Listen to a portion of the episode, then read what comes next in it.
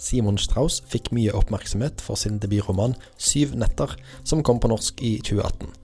Han er forfatter, kritiker, og trekker de store linjene i debatten om Europas framtid, og om hva som er typisk europeisk. Dette er et opptak fra Kapittelfestivalen i Stavanger. Nothing, ladies and gentlemen, nothing that we are, think and dream belongs to us alone. Everything is inheritance, everything is transmitted. Europe is not news, it is not an invention or achievement of our time. We have received the European idea that includes more than just geographic data as a gift from the past. People believed in Europe when there were no stopwatches yet, no institutionalized right, no idea of an open future. The hope that there could be a utopian order that binds conceptually what in reality threatens to shatter in one's hand. The idea that the perimeter of the living space is larger than that which can be seen with one's own eye, striving to break and record the sequence of time to make history accessible. Europe, pictures of an exhibition. These are the real driving forces of European thinking. The majority and the powerful speak of Europe today and mean free trade, data and climate protection, counterterrorism, legal security, and high quality standards for milk and democracy.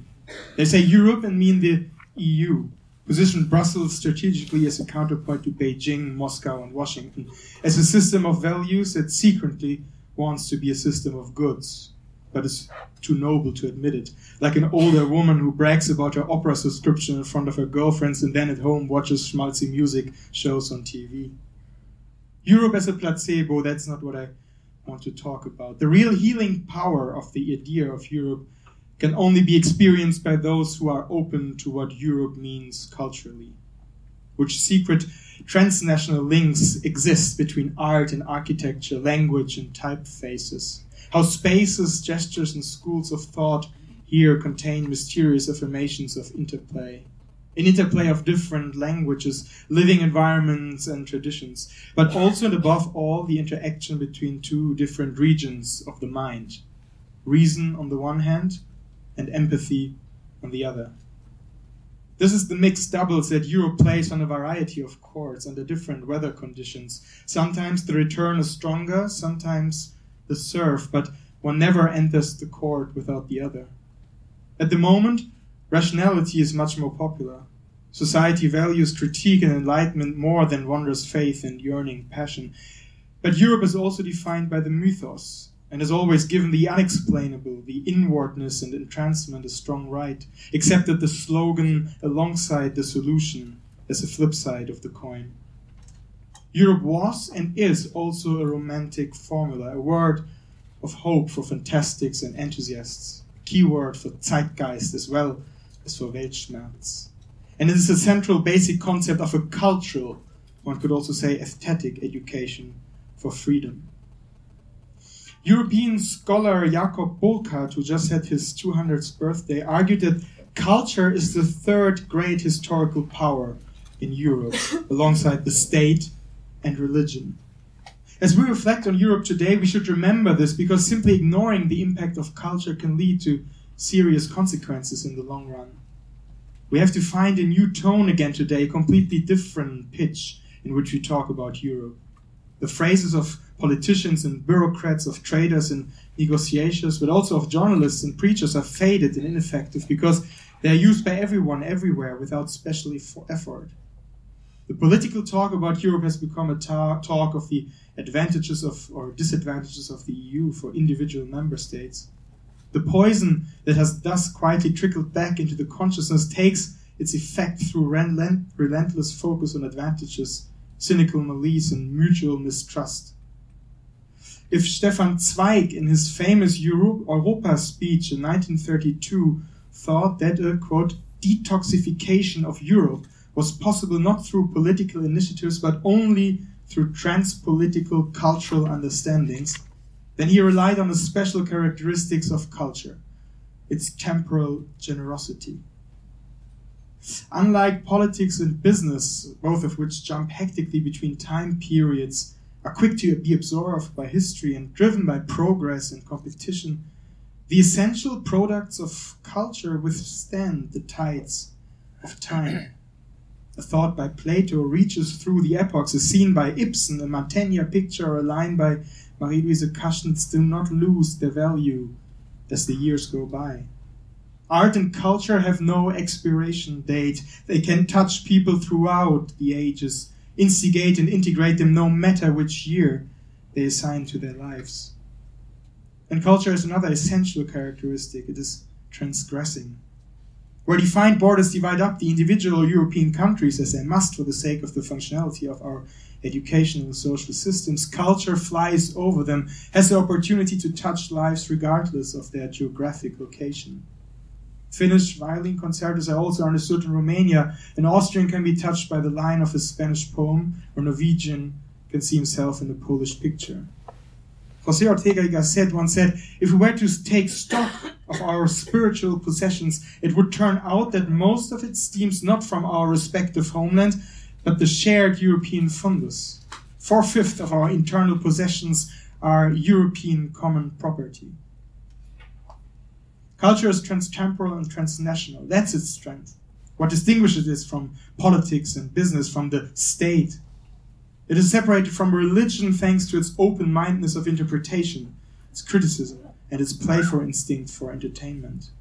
Dogma and radicalism are only conceivable in the process of development. In its reception, culture must always be liberal, open to the many. That is why, in contrast to, in contrast to politics or finance, culture can serve as a platform upon which the national mindset can come closer. Culture is, in fact, the only point of departure for approaching Europe as a shared home of the heart. But in my opinion, culture can only become a home of the heart and strengthen Europe if it is independent of the two other potencies, in particular, if it is em emancipated from politics. We live in an age in which culture too often lets itself become the maid of moral policy. The urge to make oneself independent from the events of the day, to claim the freedom to create counter realities, visions, mannerisms, words of art, seems weaker than ever. The urge is intimidated by the strict primacy of moral policy. The label escapist is attached to everything that is not directly related to current events. When an evening in the theater for once has nothing to do with Trump, or a photo exhibition has nothing to say about the climate disaster. What has become of the artistic pleasure in the strange, the contradictory, mysterious, inexplicable? Why does culture let go of its unique selling proposition so easily? Its beauty is precisely that. It does not have to be based on election programs, morality of profit rates. Art is free, they say, but free to do what? To simply recast the editorials and popular attitudes in its respective medium? Should it instead be free to offer another surprising worldview to argue sensually, to look at humanity from an existential angle, to see the transtemporal potential of our emotions and come closer to the core. That would be the real freedom of art that art could take on. But it would once again have to claim a stronger intrinsic logic, courageously speak a different language than the one that can already be heard everywhere else. Imagination, beauty, Weltschmerz, these are its currently neglected godparents. Only if culture remembers this, only if it confidentially and willfully stands up to politics and speaks in its own words again, only then can it help Europe become the home of the heart. If it is only a means to a day to day political purpose, it will not succeed. However, you define art as a means of existential consolation, as Euripides did, as a way to purify the soul, as Aristotle did, as a drive for the re enchantment of the everyday, like the Romantics, or as a chance to improve oneself as a human being in the mold of Schiller. In whatever form art and culture offer the chance of a mimesis of the world by other means. Its goal is precisely not to reach scientific truth, but to awaken the viewer's empathy and sentence to tempt the viewer to think and feel more generously. There's a lot of humane and community building power in culture. Take the theater, for example. In essence, it offers the best opportunity to heal European society from the currently dominant self referential fixation on identity. As has been broadly remarked, the identity movement on the right and the left relies on the same liberal idea that their personal experience in life alone entitled them to create a worldview. As if it was not a crucial part of the world, let alone a worldview, that it speaks to people of very different backgrounds and attitudes. In the theater, you get to experience exactly that the diversity of different character traits and attitudes towards the world. Here, you meet the wise who were defeated anyway, the errant heroes, bourgeois blunderers, and surreal messengers of death. You even get to know queens here. Where else can you meet them in 2018?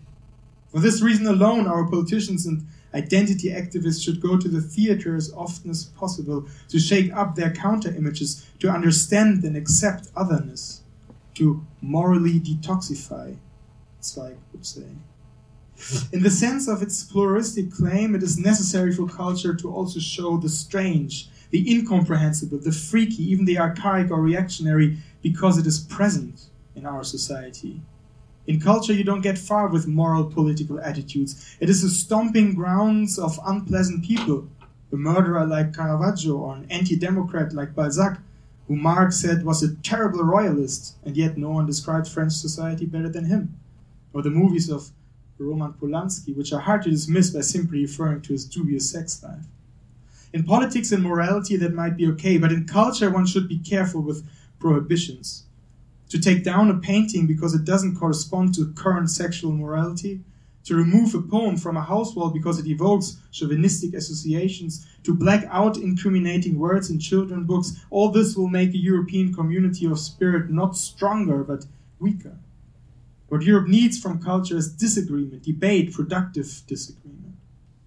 While dangerous in the political arena where tension and hatred are quick to rise, as Zweig suspected in 1932, in the protected sphere of culture, everything can be tried out then there must still be room for the most daring experiments.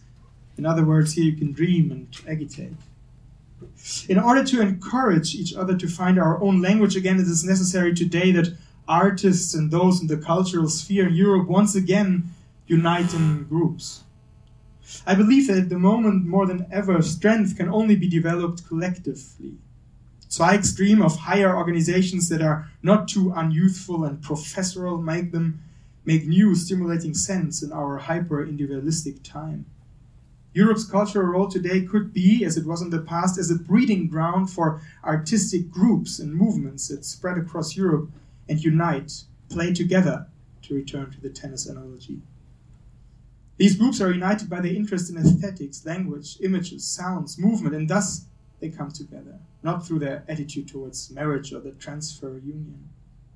Europe's role must not only be defined by its economic policy, it must also be filled by a cultural movement, which works together and is independent of party political interest, which interrogates the European spirit, its past, including the dark sides, and draws strengths from it for the future. Creative restoration plus nimble accelerationism would be the magic formula. The idea of the European community must be experienced on a small scale so that it can take effect on a large scale, I think. The doubts about the European Union, which have become near constant, can be countered not by treating Europe as a mere administrative economic institution, but as a cultural focal point. An example of this may be the group Arbeit an Europa, working on Europe, which was started last year on the night after the Brexit vote, and of which I'm a member.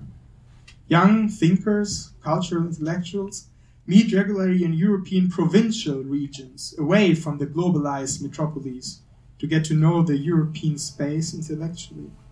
These meetings consist, on the one hand, of discussing and redefining central terms, and on the other hand, of interviewing old eyewitnesses of European history. There's talk of cultural futures and our archiving of Europe's different pasts.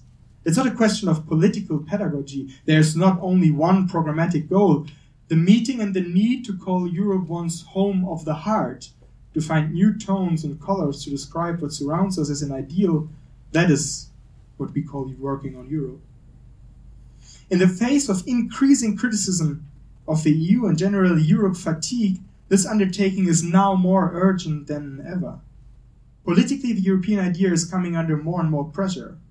And rightly so, not least because it is increasingly only being defended with arguments of economic and functionalist nature. Contrary to the pessimistic current diagnosis, it is therefore necessary to ascertain the successes that have been achieved together. It is time we remember and tell a European cultural story. Stories have always held the capacity unite to unite and the power to create identity over borders. But it is not about constructing a theoretical narrative. Instead, we must dare to go back into lived history in order to appreciate the value of a united Europe. We want to make a contribution to a shared European culture of memory. Before a story can develop, it needs an animating retrospective. The gaze turns back to the events and themes of yesterday, the factors that have led to our situation today, and can give courage and orientation for tomorrow peaceful revolution of 1989 and the subsequent reunification stand like no other event for European integration. Decades of division were overcome, diversity was united, and new conversations began. All this is now at stake. How can the long journey from 1948 through 1989 to the present be told? How can we keep the memory and tell the story so that people are touched today by it? A possible beginning for the narrative of this story is to enter into practical dialogue with Europeans whose lives make the abstract idea of Europe concrete. It is therefore important to identify the intellectual and cultural driving forces that designed and realized the Europe that we all share today. Not only the political, not only the economical driving forces, but the cultural driving forces of the origin of Europe. The idea of Europe was, in the beginning, a cultural and foremost cultural idea. One goal of the Working of Europe, Working of Europe project is to collect renowned and experienced voices on the idea of Europe in the various member countries of the European Union and to record them in sound and writing in order to outline a panorama of the European zeitgeist. Right now, people who were in the beginning of the European Foundation, who took part of it, are still living people who were born between 1920 and 1940. We need to talk to them and ask them about their cultural experiences of Europe, so that won't be forgotten. The emphasis is deliberately placed on the voices, not on the image, but the voices. With this auditory focus, the project is intended to promote a contemplative, contemplative intellectual examination. It is all too common for current European crisis debates to narrowly demand activity and optimized operating procedures However, a culture of listening and mutual understanding is necessary in order to strengthen European integration. Twitter is not the only medium we have. Our so called European Archive of Voices aims to contribute to this. In the next, within the next two years, around 30 young interviewers will do interviews in a com- comparable structure with Europeans born between 1920 and 1940. These are the people who helped build Europe after 1945 intellectually and carried the discourse about European unity. Each conversation will examine the relationship between one's own identity and European thought. In addition, specific key moments in European history will be placed into the context of the individual biography of the interviewers. There will be talks between young and old about the stake, the images of Europe. What meaning is attributed to events such as the end of World War II, the rise of nation states, or the opportunities for cooperation and peaceful coexistence that were utilized or missed?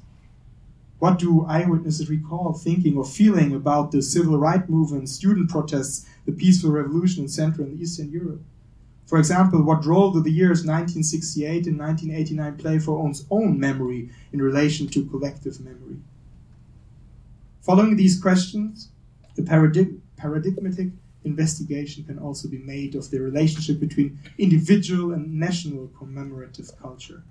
On the one hand, the outcome of the above questions will make it possible to identify similarities between the assessments and memories of the various interview partners. On the other, the conversations should also explicitly look for differences in the history of mentalities and cultural politics.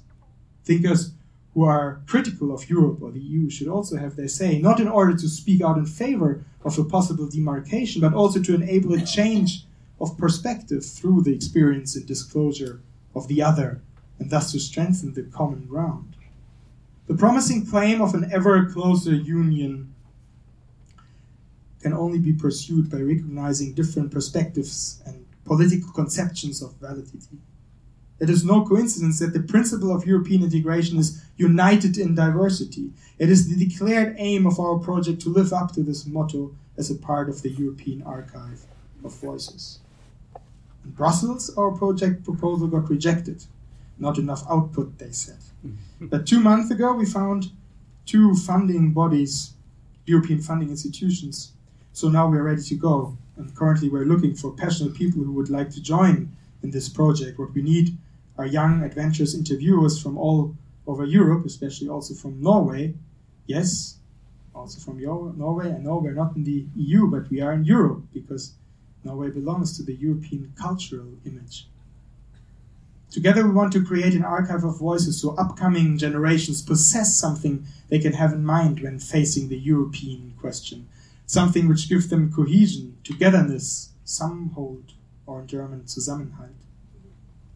Whether Stefan Zweig meant such a project when he spoke in Rome in 1932, the eve of World War II, when he spoke there, the conference, in front of international writers who all wanted him to talk out politically, to say something, to make a political statement. And he said that he can only speak about culture, and he thinks that only culture is the real driving force in such a crisis time of political and war fear.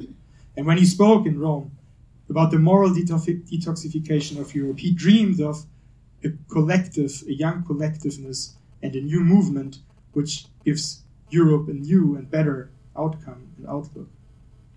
In any case, he too wanted an energy boosting community that shows that generations in all European countries are participating in a shared cause throughout the ages when they are working to increase the intellectual output of their countries, when they think, dream, and collect memories. His word holds.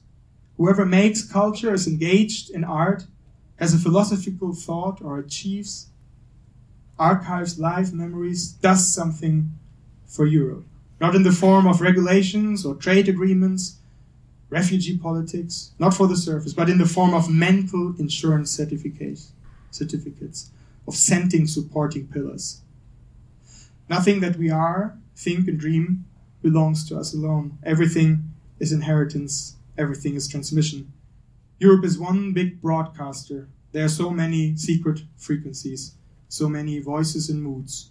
All we have to do is flip the switch to receive. Thank you very much.